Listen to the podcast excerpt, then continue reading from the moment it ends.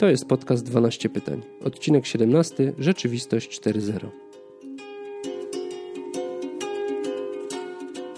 Cześć, nazywam się Przemek Karczewski i witam Cię w podcaście 12 pytań, w którym będę starał się zainspirować Cię do refleksji nad sobą, swoją świadomością oraz możliwościami i wyzwaniami, jakie wiążą się z turkusową transformacją ludzi i organizacji.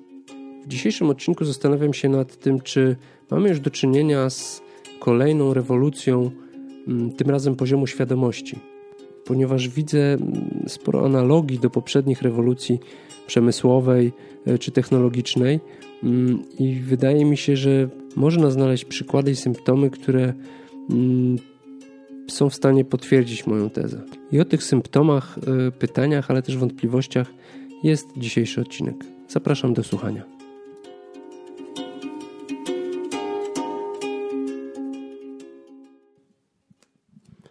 Czwarta rewolucja przemysłowa, zwana potocznie Industry 4.0, myślę, że można powiedzieć, że stała się faktem. Coraz częściej wykorzystuje się już automatyzację czy robotyzację. Mm, bardzo chętnie czerpiemy już yy, ze sztucznej inteligencji czy mm, przetwarzania chmurowego po to, aby usprawniać i ułatwiać procesy produkcyjne, mm, ale też nasze codzienne życie. I patrząc z perspektywy czasu, Każda poprzednia rewolucja przemysłowa, począwszy od maszyn parowych przez elektryczność, aż po komputery i internet, no, pociągała za sobą bardzo duże, bardzo szerokie zmiany świadomości ludzi. Mm, nie inaczej jest obecnie i choć zapewne to właśnie osiąganie przez człowieka wyższego poziomu rozwoju świadomości było i jest takim katalizatorem wszystkich zmian. Czy można wysnuć taką tezę, że wchodzimy właśnie na drogę do takiej rzeczywistości 4.0, będącej kolejnym, jeszcze wyższym poziomem świadomości? Hmm. Natura wyposażyła swoje dzieci w taki niezwykły mechanizm zwany ewolucją. Hmm. W przyrodzie, w takiej mm, długiej perspektywie mm, kilkuset, kilku tysięcy czy kilku milionów lat, wcale nie wygrywali najsilniejsi, lecz ci, którzy potrafili się najlepiej przystosować. E, I chociażby można tutaj przytoczyć argument w postaci dinozaurów, tak, które mm, no, był czas, że rządziły na tej planecie, ale no niestety nie przetrwały do naszych czasów. Różnego rodzaju organizmy uczą się na błędach i właśnie te mm, z nich, które popełniają najmniej tych błędów i dodatkowo potrafią wykorzystać nadarzające się okazje, są w stanie przekazać swoje geny i doświadczenie potomstwu. Jak powiedział kiedyś Heraklit z Efezu, jedyną stałą rzeczą w życiu jest zmiana. Więc w obliczu coraz szybciej postępujących zmian, umiejętność adaptacji no, okazuje się być kompetencją niezwykle ważną, można powiedzieć nawet kluczową.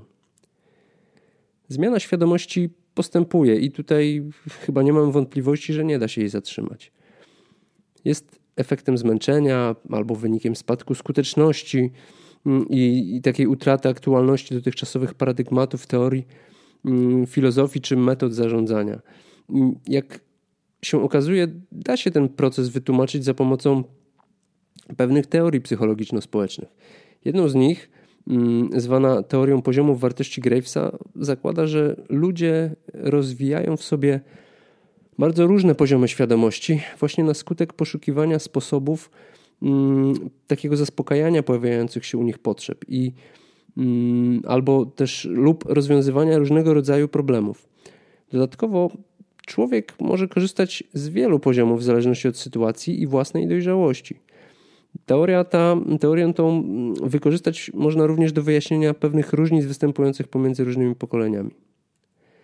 Mówiąc w skrócie, teoria poziomów wartości Gravesa, zwanych także napędami, Opiera się na siedmiu fundamentach, które opisują poszczególne stany świadomości i też związane z nimi potrzeby. I każdy z poziomów y, charakteryzuje się ponadto mm, jednym z kolorów, które notabene wykorzystał później Frederick Laloux, opisując paradygmaty zarządzania w swojej książce Pracować inaczej. I tak, kolor fioletowy klasyfikuje potrzeby związane z poczuciem bezpieczeństwa, szacunku i przynależności. Kolor czerwony symbolizuje potrzebę władzy i takiej siły opartej na autorytecie, ale również mm, na honorze i odwadze. Kolor niebieski yy, oznacza generalnie porządek, działanie według pewnych ustalonych kryteriów i zasad, a także mm, potrzeby takiej hierarchii i kontroli. Następny kolor, pomarańczowy, mm, charakteryzuje się chęcią rywalizacji i potrzebą wygrywania za wszelką cenę, potrzebą posiadania prestiżu, ale też y, dążeniem do osiągania celów, które determinują y, u y, osoby, która cechuje się tym kolorem, taki sukces zawodowy i osobisty. Mm, podobnie jak u Lalu, który właśnie tym kolorem opisał współczesne korporacje. Natomiast u Gravesa poziom ten związany jest z rewolucją przemysłową.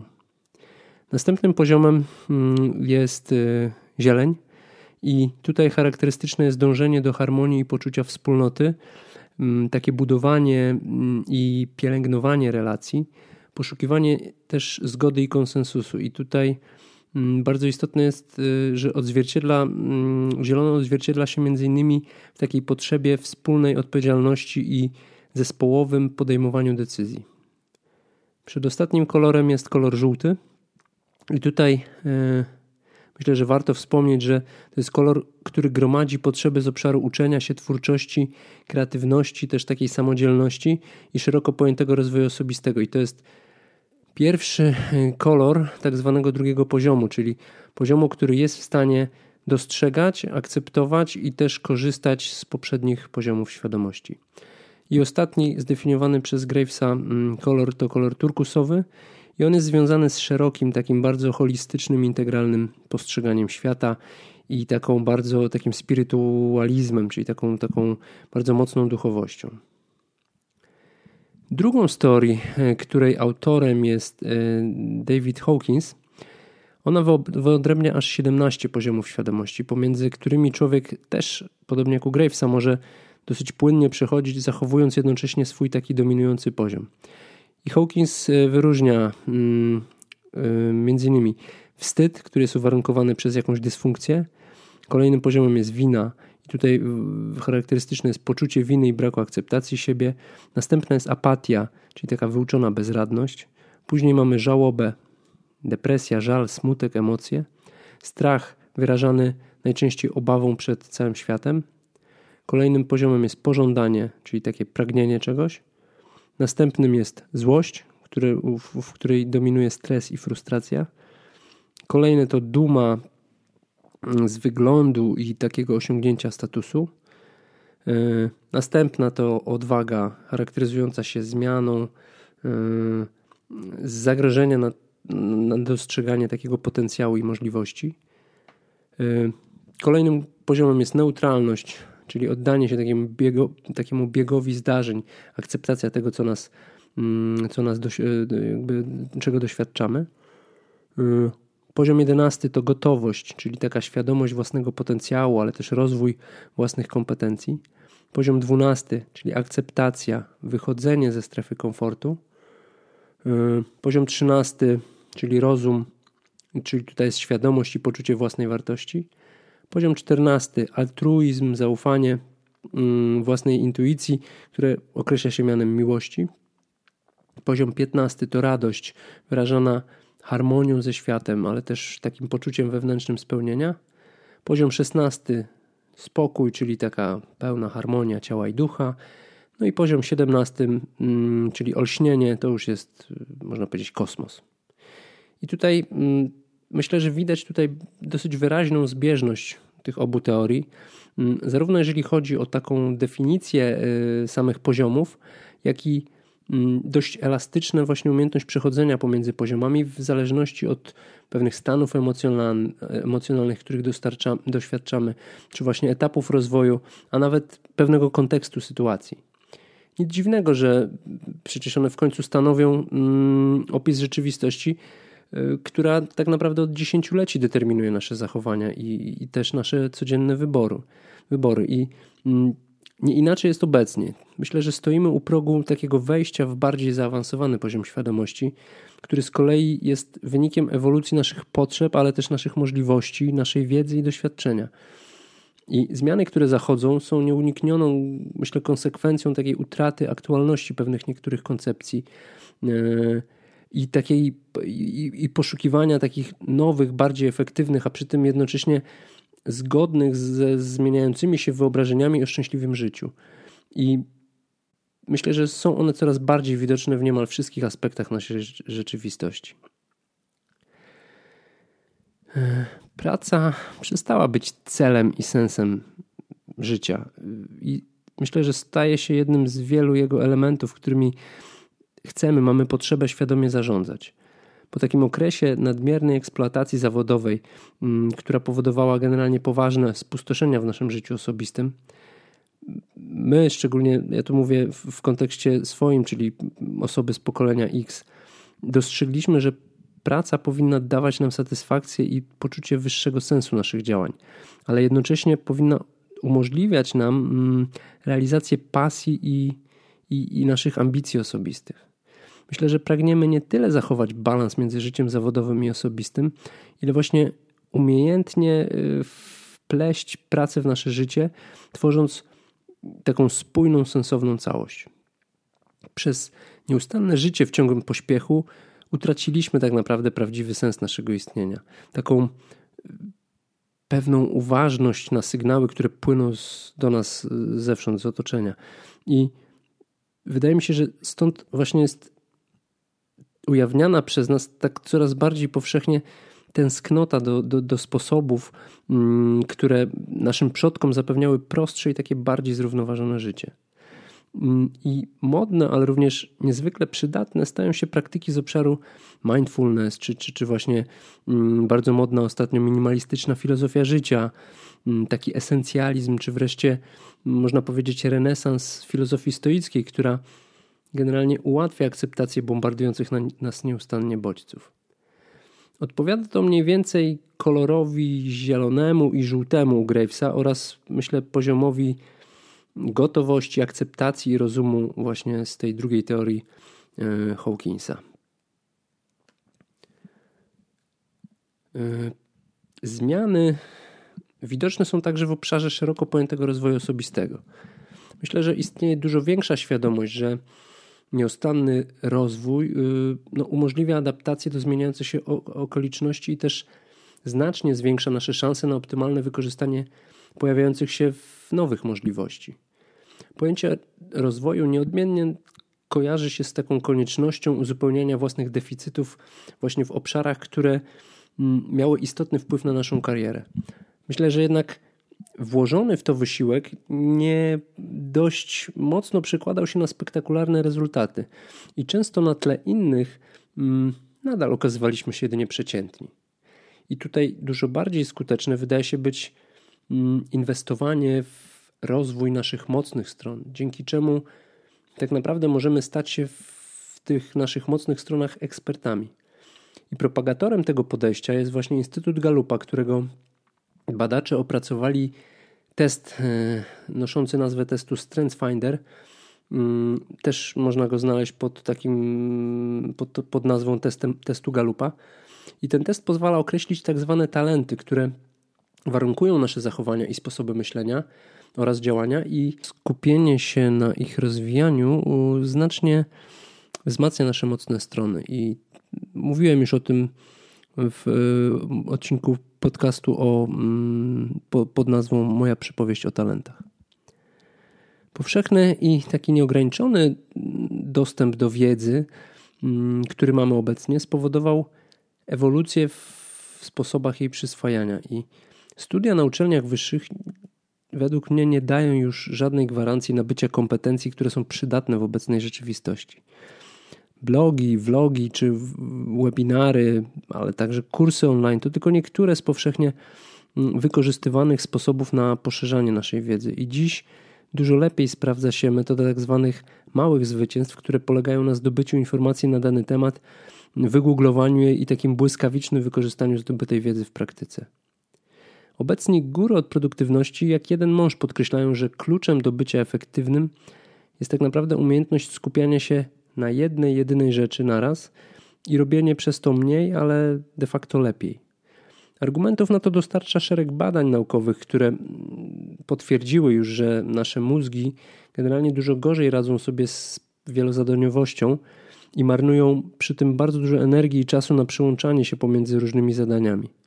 Pomimo tego wciąż jest wiele miejsc, w których wielozadaniowość mm, wręcz postrzegana jest jako pożądana kompetencja. I można dostrzec już, dostrzec już pewne zmiany w świadomości, natomiast wydaje mi się, że ta droga mm, do takiej pełnej akceptacji i powszechnego stosowania tej metody jednej rzeczy, no to jest jeszcze bardzo długa i wyboista droga przed nami. Poszukiwanie głębszego sensu i taka potrzeba uporządkowania mm, temu całego swojego życia jest również, myślę, konsekwencją ewolucji naszych potrzeb i wartości. I umiejętność odpowiedzi na pytanie o życiowe dlaczego mm, generalnie zapewnia klarowność naszej wizji i też jej taką spójność ze wszystkimi dzia naszymi działaniami. Ludzie, którzy znają swoje why mm, i wszystko, co robią, jest temu generalnie podporządkowane, to są ludzie sukcesu i tak zwani liderzy nowej ery. Przekładają oni filozofię na mm, tą filozofię na firmy, których są założycielami czy tam prezesami. I najlepsze firmy to właśnie te, które nie tylko znają swoje dlaczego, jak pisze Simon Sinek, ale przede wszystkim to dlaczego jest żywe i naturalnie obecne w organizacji. W oparciu o tą misję kształtowane są następnie mm, wszystkie wartości i proces firmy, a pracujący w nich ludzie czują się yy, swobodnie i całkowicie się z tą misją utożsamiają. Zmiany zachodzące w świadomości ludzi naturalnie przekładać się muszą na zmiany w takich sposobach myślenia organizacji. Ewolucja potrzeb i wartości wpływa bardzo mocno na efektywność firm. Coś, co mm, było skuteczne kiedyś, generalnie przestało już przynosić oczekiwane rezultaty i konieczne okazało się pewne zredefiniowanie niemal wszystkich obszarów funkcjonowania organizacji, takich jak misja, wizja, wartości, standardowe procesy, struktury organizacyjne, relacje pomiędzy ludźmi, czy nie wiem, podejścia do pracowników, ale także do klientów, kontrahentów i wielu, wielu innych jeszcze mm, obszarach. Jednym z bardziej znaczących aspektów zmiany świadomości ludzi jest ściśle związana z nią zmiana roli menadżera. Gdy wyobraźmy sobie, że gdy kontrolę i nadzór zamienimy mm, na zaufanie, na odpowiedzialność i taką samoorganizację, to menedżer przestaje być potrzebny i wtedy pałeczkę po nim przejmuje tak naprawdę lider, który, którego głównym zadaniem jest przede wszystkim inspiracja, wspieranie i takie zapewnianie warunków do pracy, do dobrej pracy swoim ludziom. Ta zmiana mentalności menadżerów jest konieczna, aby właśnie nadążyć za potrzebami świadomych pracowników. I nowym wyzwaniem dla organizacji właśnie staje się przede wszystkim zapewnienie niezbędnych warunków do uwolnienia tej kreatywności i zaangażowania, którzy, które, które drzemią e, w pracownikach. Mm, I o tym też już y, jakby mówiłem w podcaście i pisałem na blogu we wpisie, mm, co sprawia, że pracownik jest zadowolony, czyli wiwisekcja testu Q12. Zrozumienie faktu, że pracownika nie trzeba wiecznie kontrolować, y, gdyż tak naprawdę może on być naturalnie zaangażowany w swoją pracę, można powiedzieć, że wyzwoliło taką potrzebę przyjrzenia się i szerszej analizy pewnej skuteczności, które, y, skuteczności stosowanych narzędzi motywacyjnych, wśród których tak naprawdę dominowały i dominują nadal te oparte na zasadzie kija i marchewki. I też już tutaj wielokrotnie dowiedziono w, ba w badaniach naukowych, że nagrody i kary nie działają korzystnie, yy, dlatego że mm, często prowadzą do wielu patologii i działań na szkodę firmy, i stąd właśnie w dłuższej perspektywie są zupełnie nieskuteczne.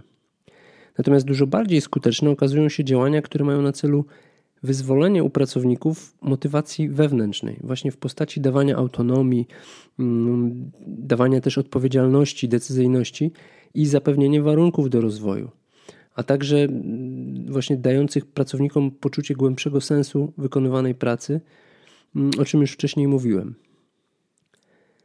Ewolucja świadomości e, widoczna jest także w wielu innych obszarach i metodach działania organizacji.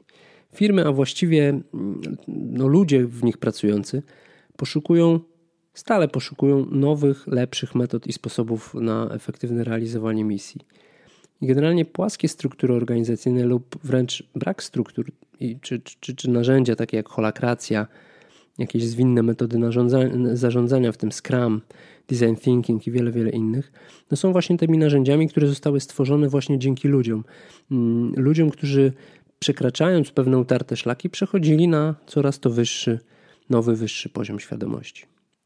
Coraz większą wagę przywiązuje się też do fizycznej przestrzeni pracy, w projektowaniu której uwzględnia się nie tylko aspekty ergonomii, ale także takiego komfortu, relaksu, estetyki, czy właśnie oddziaływania nawet kolorów lub form mm, e, przestrzennych na efektywność i samopoczucie pracowników. Poszukiwanie przez firmy mm, odpowiedzi na pytanie o sens istnienia doprowadziło m.in. do uwzględniania w swoich y, działaniach szerszego konspektu, który uwzględnia oddziaływanie firmy na mm, otoczenie. I wzięcie przez firmę odpowiedzialności za coś więcej niż tylko generowanie zysku generalnie przyniosło wiele ciekawych inicjatyw, które wspierały mm, różnego rodzaju obszary społeczne i środowiskowe, zwane potocznie właśnie z angielska CSR, czyli y, tłumacząc na polski społeczną odpowiedzialność biznesu. To jest bardzo duża i taka pozytywna zmiana względem przyszłości, w której krwiożerczy kapitalizm generalnie nastawiony był wyłącznie na zjadanie słabszych, mówiąc tak brutalnie i kolokwialnie.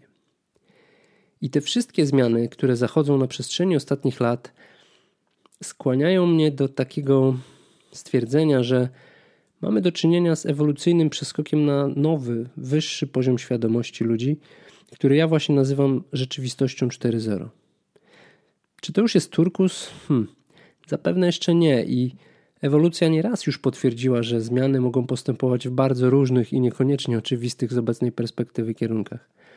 Jednak myślę, że widać wyraźnie pewne pierwsze symptomy, które pozwalają na odrobinę optymizmu i też wiarę w to, że wartości oparte na trzech filarach turkusu, czyli samozarządzaniu, pełni i, i, i ewolucyjnym celu, no będą naturalnie ujawniać się u coraz to większej ilości ludzi.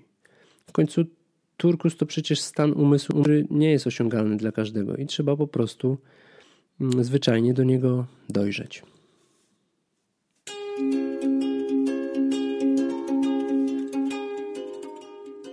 Dziękuję za wysłuchanie tego odcinka. Jeśli Cię zainteresował, zapraszam do subskrybowania podcastu. Jeśli słuchasz go przez iTunes, to oceń go proszę lub skomentuj, wtedy będzie wyżej pozycjonował się i ma szansę dotrzeć do większej ilości słuchaczy. Zapraszam do odwiedzenia mojego bloga 12pytań.pl oraz na Facebooka na mój fanpage o tej samej nazwie lub grupę Wszyscy Jesteśmy Turkusowi. Do usłyszenia za tydzień.